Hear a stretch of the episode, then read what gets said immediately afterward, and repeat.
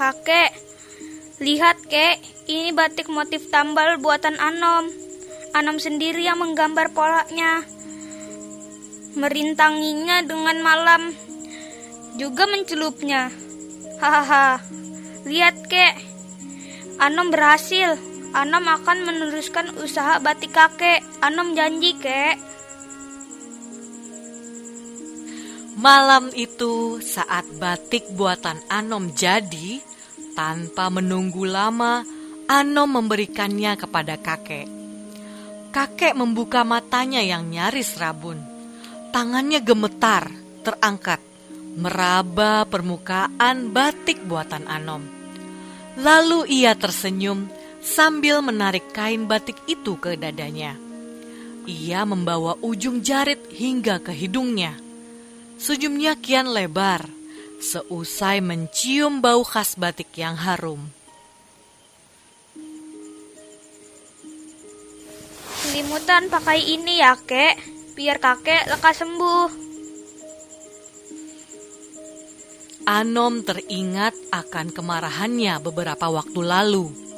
Jika Anom memelihara rasa marah itu, tentu jarit tambal di dekapan kakek saat ini tak akan pernah ada. Senyum dan cahaya mata kakek tak akan pernah terbit. Ah, untung saja Anom tak berbuat bodoh dan masih diberi akal sehat untuk melakukan hal yang tepat.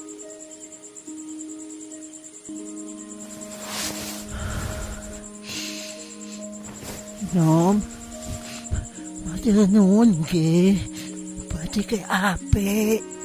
Semoga lekas sembuh ya, kek. Ternyata malam itu adalah interaksi terakhir Anom dengan kakek. Esoknya, kakek telah berpulang ke rahmatullah. Wajah kakek sangat tenang. Senyum tersungging di bibirnya yang beku. Kakek seolah hanya sedang tidur dan bermimpi indah. telah dingin dan kaku. Lalu dikecup dahinya seraya berdoa, semoga kakek tenang di sisi Tuhan.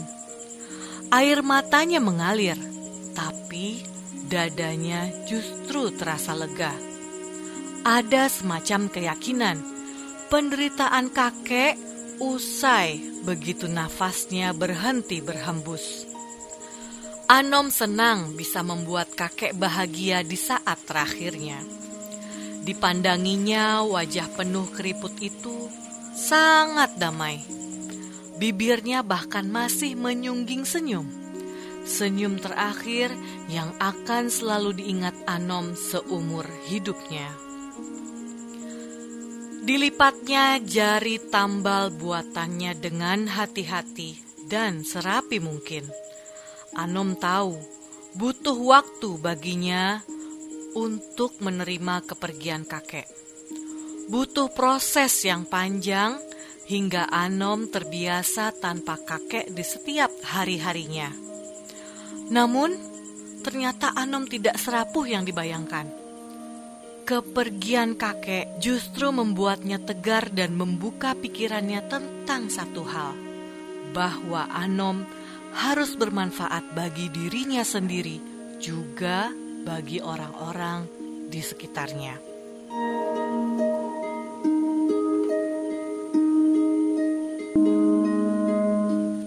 Aku berjanji, usaha batik kakek tidak akan berhenti sampai di sini.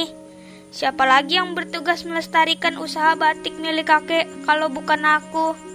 Aku Anom, cucu satu-satunya juragan batik paling legendaris, Santero, Kampung Ngasem, berjanji akan membuat usaha batik kakek tetap hidup.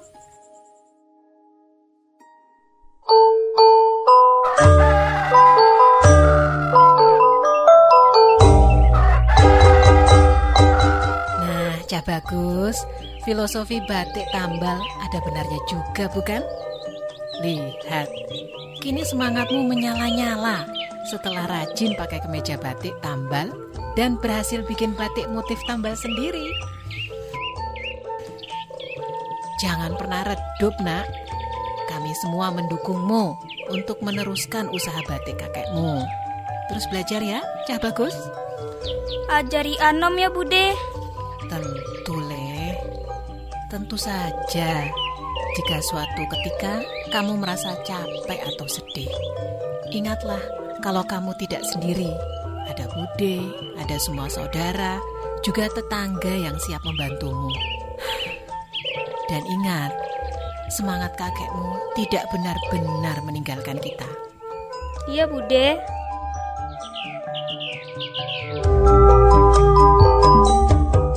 Nah, sahabat edukasi, ingin tahu lebih lengkap kisah-kisah yang ada di Nusantara? Silahkan mengakses bahan bacaan literasi melalui laman badanbahasa.kemdikbud.go.id dan belajar.kemdikbud.go.id. Sementara, alih wahana bahan bacaan literasi dalam bentuk audio dapat didengarkan melalui suaraedukasi.kemdikbud.go.id. Kita dukung terus gerakan literasi nasional. Rajin membaca, menambah makna, membuka cakrawala.